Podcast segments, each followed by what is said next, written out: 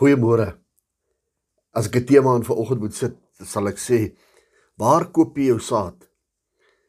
Uh soos baie van julle weet, uh plant ek chili boompies, ek het begin nogal uh aantrekking na die goed gekry om, maar nou soek ek spesifieke sade in.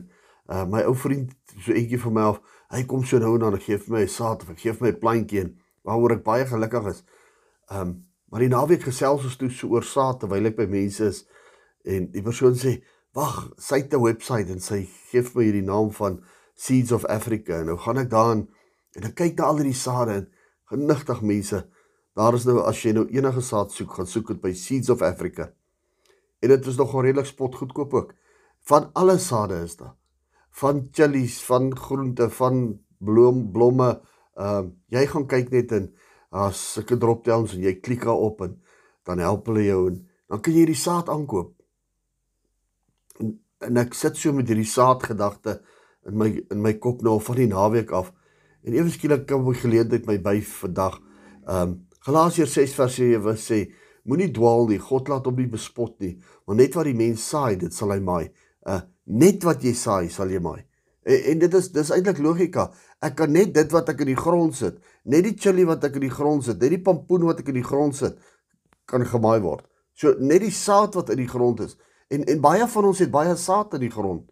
Ehm um, en en het ons in ons lewe deur het ons saad in die grond gesit geestelik. Maar vers 8 kom en hy sê vir ons verder in Galasiërs 6, hy sê hy wat in sy vlees saai, sal uit die vlees verderf maai. Hy wat uit sy vlees saai, met ander woorde, dit is kwaadwillige goed wat ons gesaai het. Is kwaadwillige en ongelukkig wil ek vir jou sê, party sade vat nogal lank om te ontkiem. Party sade vat 'n tydperk voordat hy ontkiem oopmaak, uitkom en dan nog sy blomhok gee. So my boetie en sussie, wat sê ek vanoggend vir jou?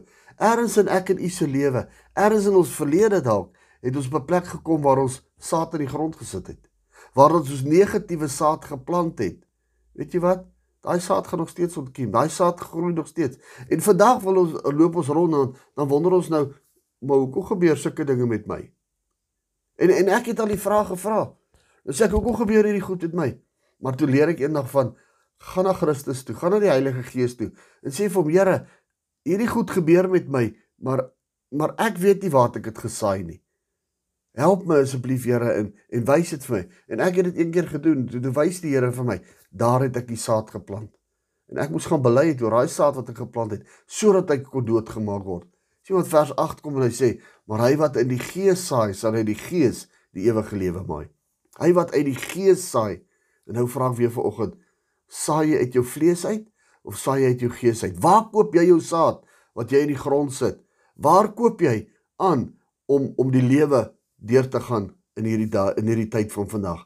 Is dit dalk dinge van die verlede wat ons gesaai het en en net so rukkie lank geneem het om te ontkiem of saai ons uit die gees uit nuwe dinge wat ewige lewe voortbring?